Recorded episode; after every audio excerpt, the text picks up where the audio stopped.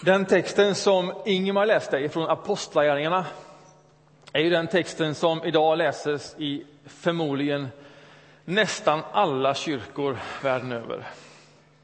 Den om när den heliga ande kommer i det där rummet. Och det där är ju en märklig beskrivning. Och eh, man kan när man läser den texten också förstå att de som beskriver texten Lukas inte själv riktigt vet hur han ska beskriva det som där händer. Läser man texten slarvigt så kan man tänka sig att det var en vind som blåste och att det var eld som kom. Men så står det inte. Det står att någonting hände, någonting kraftfullt. Det lät i det där rummet och det var som om det var en vind. Alltså hur man ska riktigt beskriva det, det vet ingen, men det var som en vind. Den är med på känslan då. Det är vad Lukas säger. Och sen hände någonting. Alltså, hur ska man förklara det här? Det var eld och det, det var som om det var eld. Är ni med på den känslan? Vind och eld. Jag vet inte hur jag ska beskriva det, men de två krafterna spelade i det där rummet. Sen när han sagt det, så säger han det här. Och det ska jag tala om idag. Titta.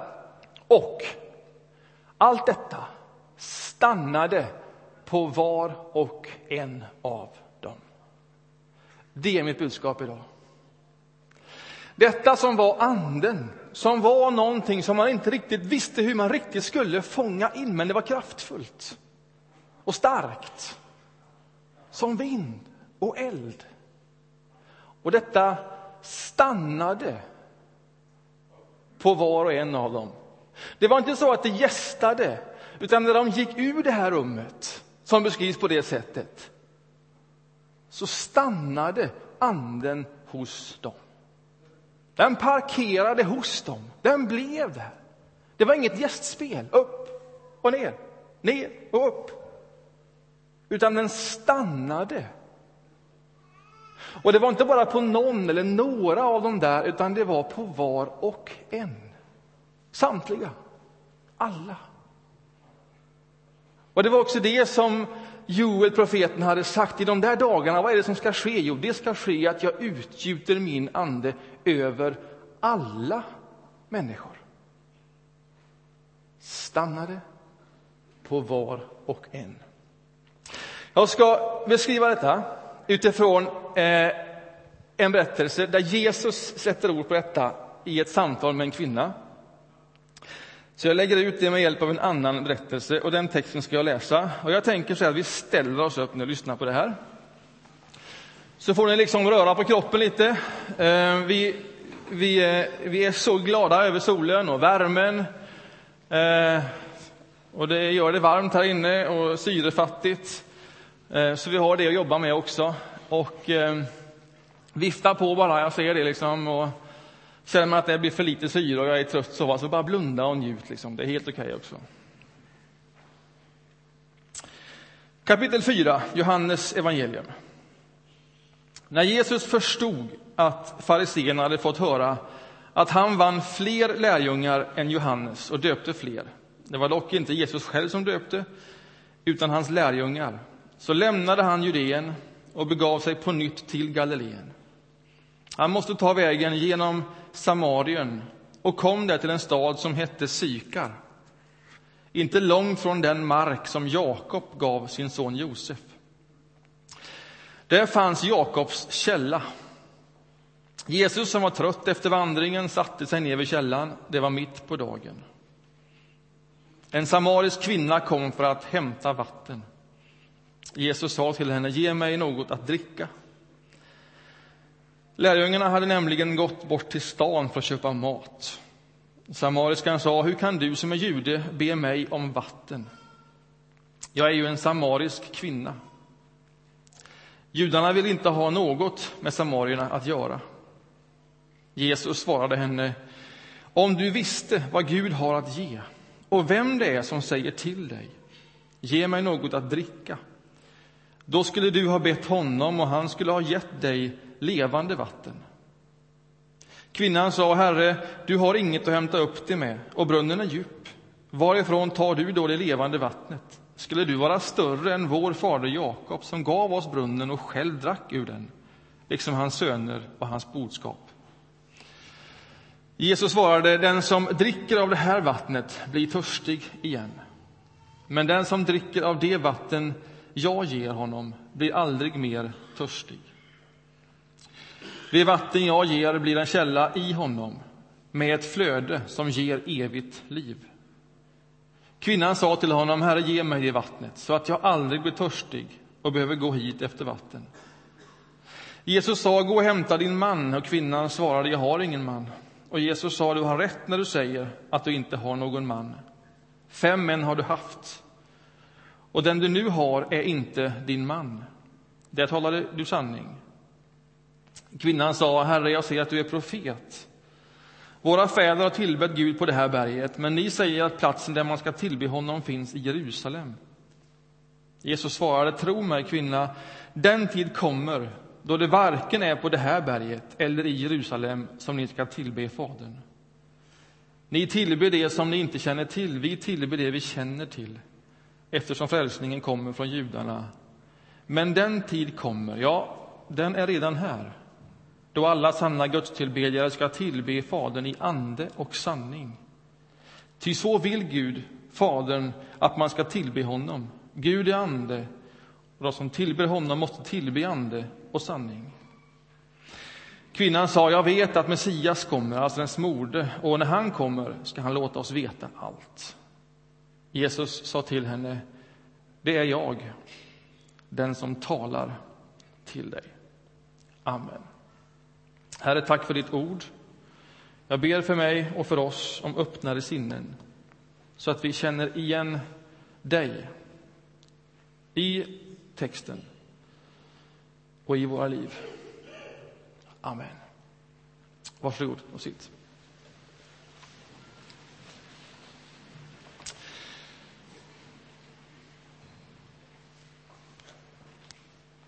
Här är ytterligare en bild. Hos Johannes beskrivs anden som vatten.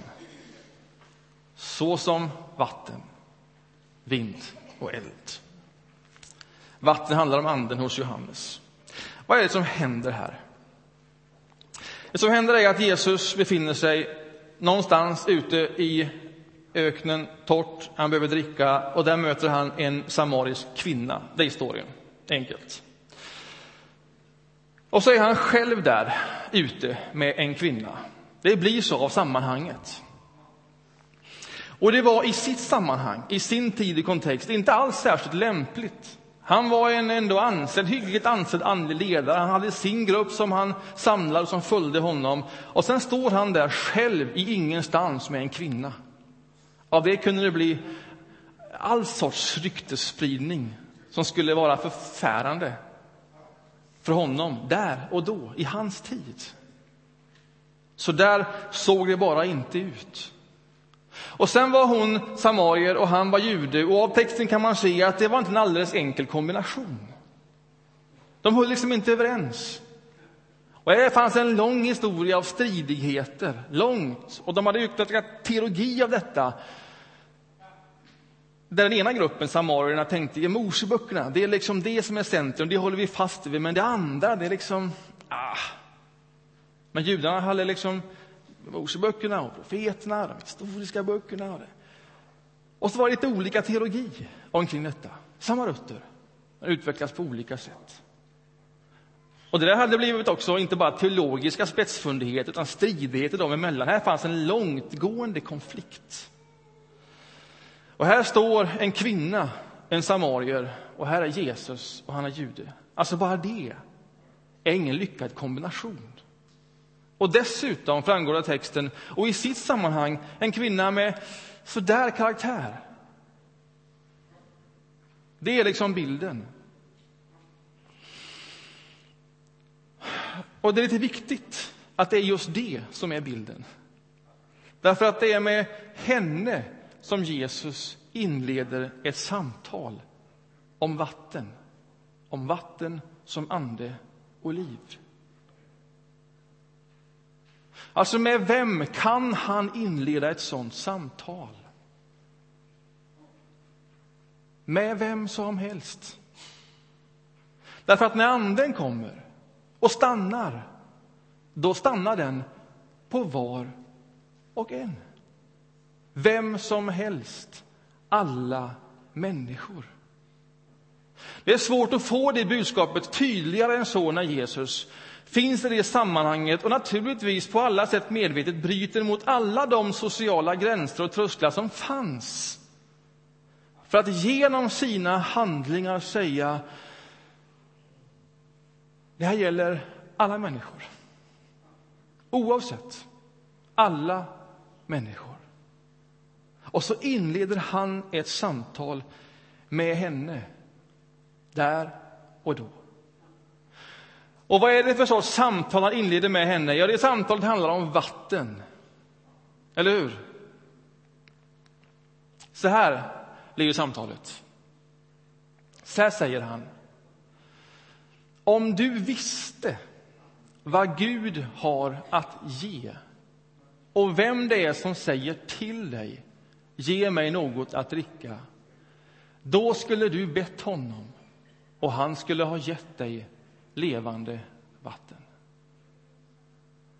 Det där är en alldeles fantastisk mening. Till vem säger Jesus så? Så säger Jesus till var och en. Så säger Jesus till alla människor. Oavsett vem man är, vart man är. Så kommer han och så inleder han ett samtal med alla oss. Och I det samtalet säger han, alltså om du... Vi går tillbaks. Om du vet vad Gud har att ge, alltså om du visste det, vem du än är och om du anade vem jag var, Jesus, då skulle du be mig. Och den som ber mig, den ger jag. Det finns liksom inga villkor kopplade till detta överhuvudtaget. Utan den som ber Jesus, den får detta. Och vem är det som skulle be Jesus om detta? Ja, om man bara visste, om man bara anade, om man bara fått någon smak av vad Gud faktiskt har att ge. Det är allt du behöver. En längtan, en önskan, en aning om att det finns något Gud har att ge för mig. Be och du ska få. Det här samtalet förs på två nivåer. Kvinnan tror ju att, hon, att, att det handlar om, om det fysiska, det konkreta, om brunnen och vattnet. Och Jesus använder det fysiska, det konkreta, brunnen, vattnet för att tala om andligt liv och anden.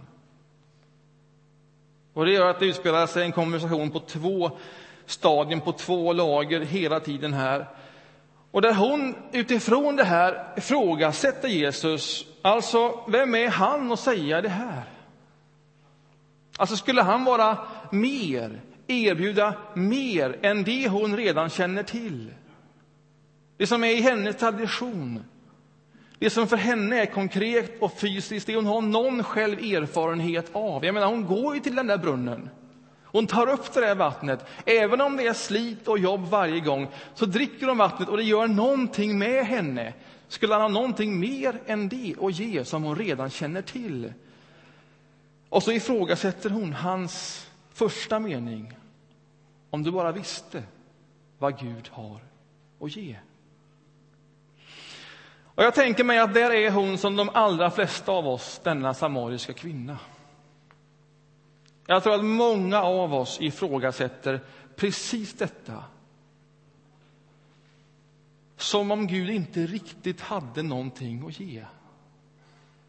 Ja, men vi säger det inte så, vi formar det inte så, vi verbaliserar det inte så tydligt som hon gör.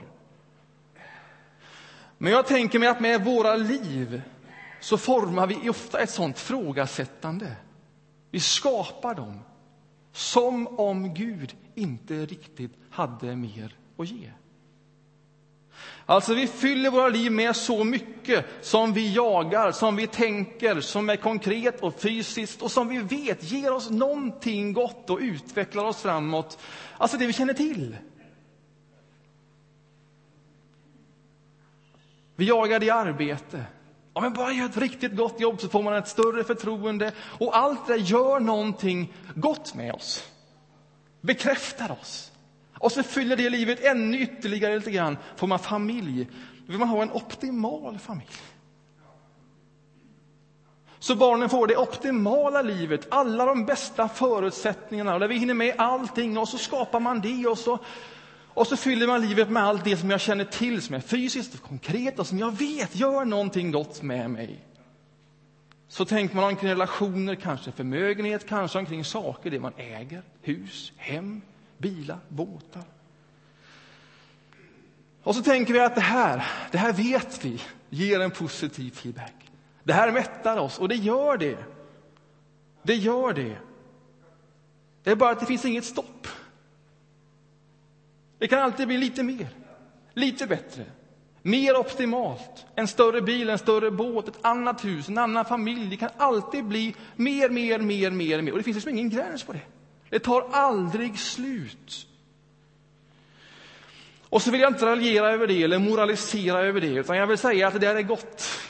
Jagandet är en del av vårt liv som också är gott. Därför att det utvecklar oss. Hos några av oss botar en viss rastlöshet. Det tar oss vidare. Det får oss upptäcka nya saker. Vad är det jag säger då? Jo, det jag säger är att om vi konstruerar hela vårt liv all vårt jagande, all vår utveckling, allt, allt detta till det vi redan känner till, det som är fysiskt och synligt och konkret. Så är det inte konstigt sen heller till sist att man dövar det som är andligt och inte riktigt lika påtagligt på en gång. Det är som att det inte riktigt får plats. Därför att det är så fyllt av allt det vi känner till, av allt det vi söker, strävar efter och jagar. Alltså, vi fyller veckan med så mycket saker att när vi kommer till söndagen, när man skulle kunna mötas som vi gör här och nu, för att bara sätta sig här och ta emot av Gud, så orkar man inte det. Man är så trött av allt som man jagar efter att man inte längre orkar ta emot av Gud. Utan man behöver vila från alla sina projekt, åtminstone någon dag eller två, för att sen bara på det igen. Och det är inte säkert att det räcker med att vila från allting som är gott. Hör ni att jag säger det? Det är gott också.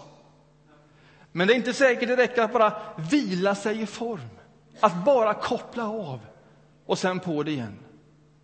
Det kan vara så att du behöver koppla av, att du behöver vila och att du behöver koppla på någonting.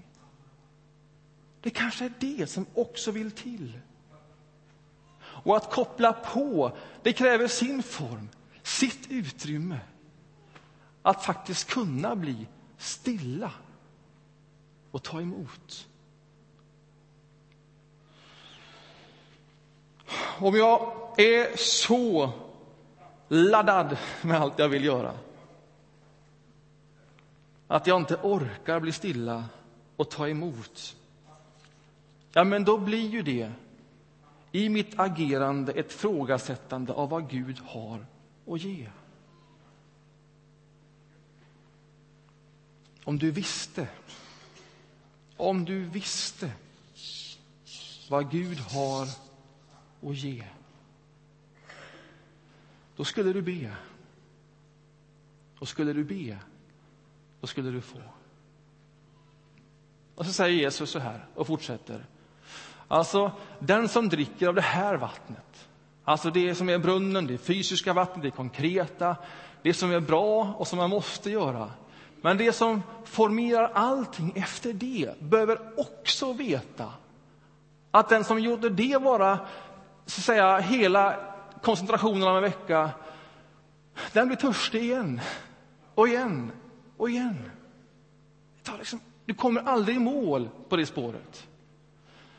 Men den som dricker av det vatten han ger, den blir aldrig mer törstig. Det är liksom ett annat spår, djupare spår. Och det vatten han ger, det blir en källa i oss med ett flöde som ger evigt liv. Det där är inget dåligt erbjudande. En källa i oss. Alltså inte någonting som kommer på besök och sen lämnar. Inte någonting vi går dit för att få, utan någonting som stannar, parkerar, blir en källa hos vem? Hos var och en. Hos alla människor.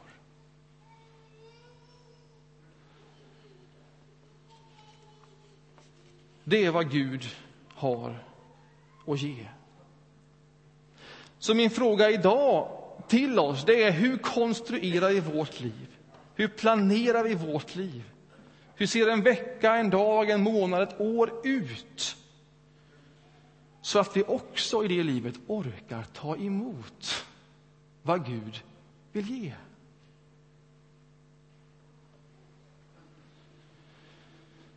Och någonstans nu känner den här kvinnan jag vet inte riktigt vad han talar om, men jag vill ha det.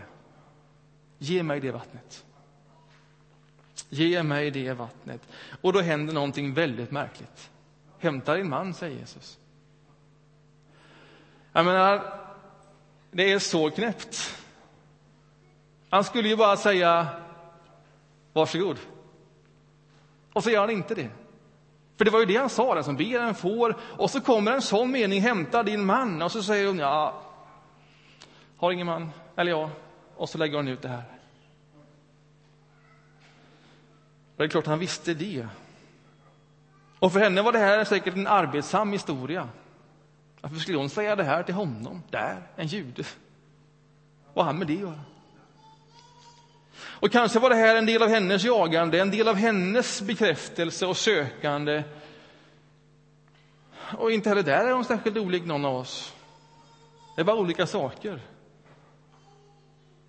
som vi söker, som vi ger utrymme, som vi behöver för att liksom få det vi behöver.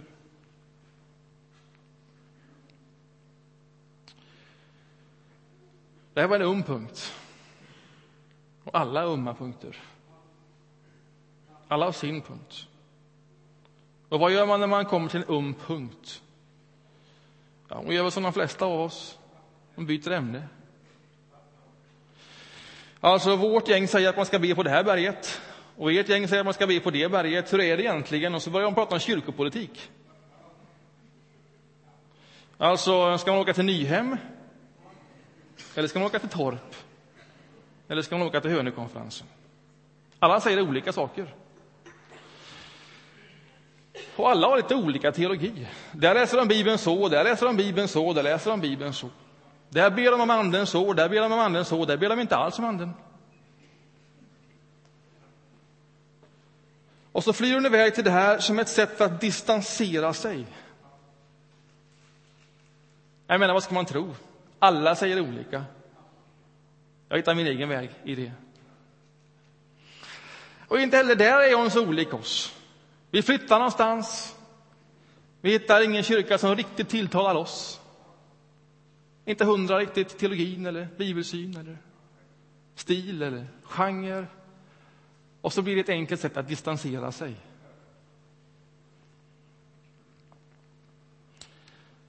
Trött på alla måsten. Jag vill inte göra som man gör vare sig på det berget eller det berget. Och då är det så gött att inte Jesus går in i kyrkopolitik eller teologi eller nyans eller någonting av alla de frågorna. Därför att hans ärende handlar om någonting helt annat. Det handlar om någonting som har kommit för att stanna personligt hos var och en. Det är en annan tid nu, säger Jesus. Göm dig inte bakom det som sker olika på olika sätt. Låt inte det distansera dig. Skit i det. Nu handlar det om dig. Det har det alltid gjort. Nu handlar det om dig. Nu handlar det om var och en och om ett möjligt andligt liv. Ett liv som inte bara gästar dig, utan som stannar hos dig. Som blir parkerat där, som blir kvar hos dig. Ta emot det. Ta emot det. Det är som en källa. Det är som ett levande vatten. Det är inte en brunn som står still. Det är ett konstant tillflöde, och det gör det friskt. Det är outtömligt. Och det har parkerat hos dig. Ta emot det. Låt det få uppfylla dig.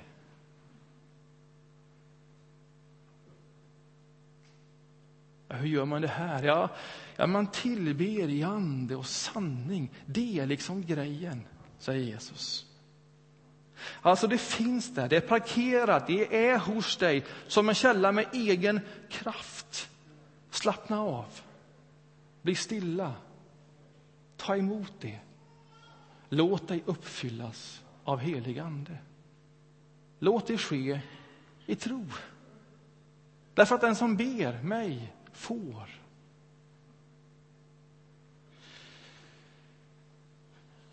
Det här är inget som du toppar livet med. En bonus på alla andra dina projekt. Det här är det djupaste stråket i ditt liv. Det här är den fundamentala närvaron och kraften. Och därför, när du låter den kraften och anden uppfylla dig, när du ger tid åt det, gör det i sanning. Alltså, låt Guds ande få ta sig igenom hela ditt liv, alla saker, alla ömma punkter. Dölj inget inför Gud. Det tjänar inget till. Utan våga tro att denna kraft, denna källa faktiskt har någonting att göra med allt det som är ditt liv.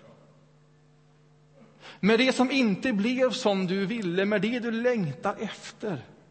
Med det som är gott och det som är ömt. Med allt. Därför att anden den kommer underifrån, i botten, som källan.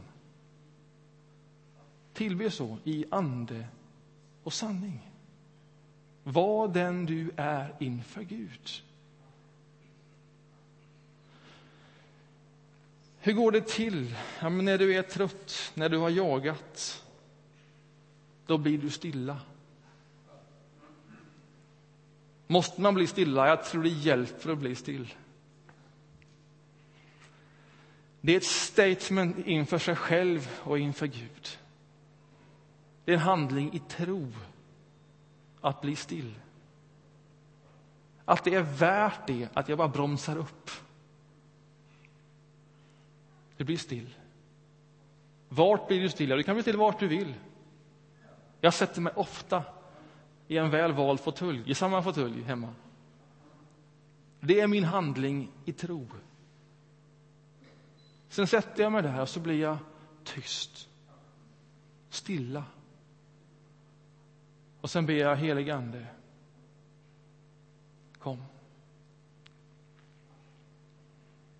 Du som är källan i mitt liv, uppfyll mig.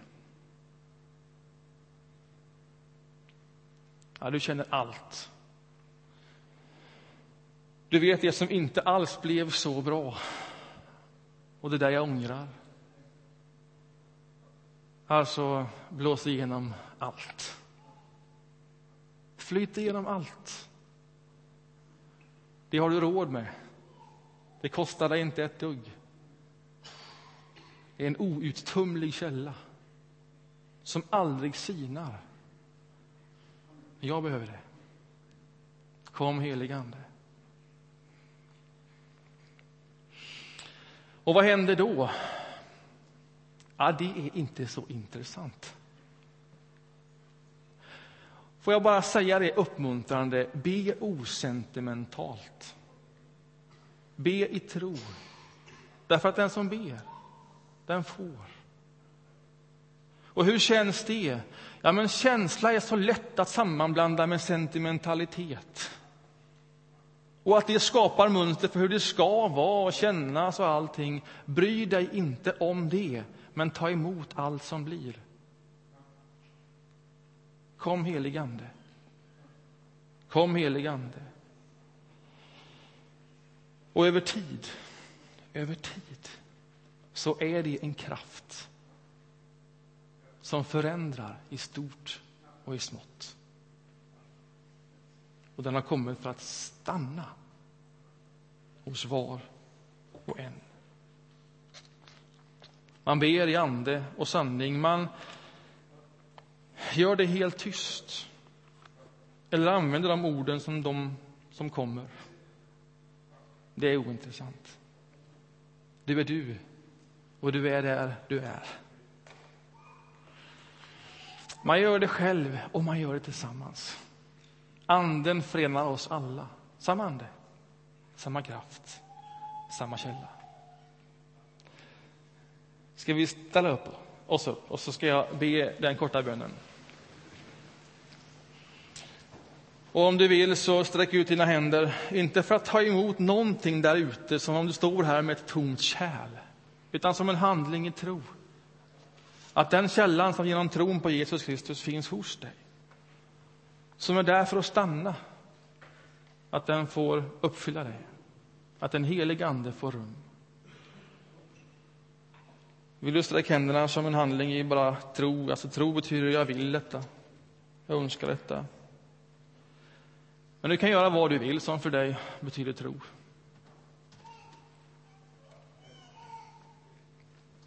Helig Ande. Nu ber vi Jesus Kristus. Och vi tackar för vind, för eld och för levande vatten. Tack helige Ande för att du inte gästspelar. För att du inte bara är här och sen inte när vi går. Utan för att du har kommit för att stanna hos var och en. Tack att du är livet, kraften, kärleken. Kom, helig Ande. Uppfyll den som ber.